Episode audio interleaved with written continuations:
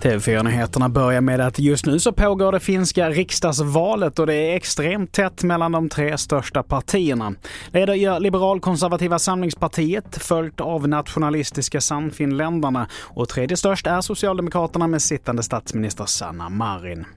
Vidare till att uppemot 200 000 ryska soldater rapporteras ha dött i kriget i Ukraina. Och majoriteten har stupat i strid, men många har även dött av alkoholbrott och olyckor. Det skriver det brittiska försvarsdepartementet på Twitter.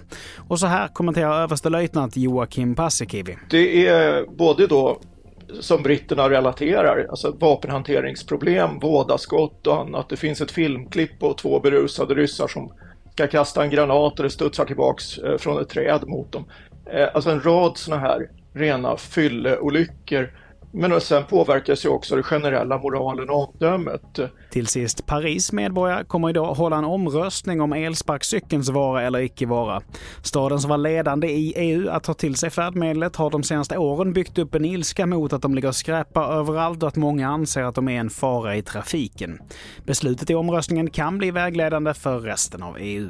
Fler nyheter hittar du på tv4.se. Jag heter Mattias Nordgren.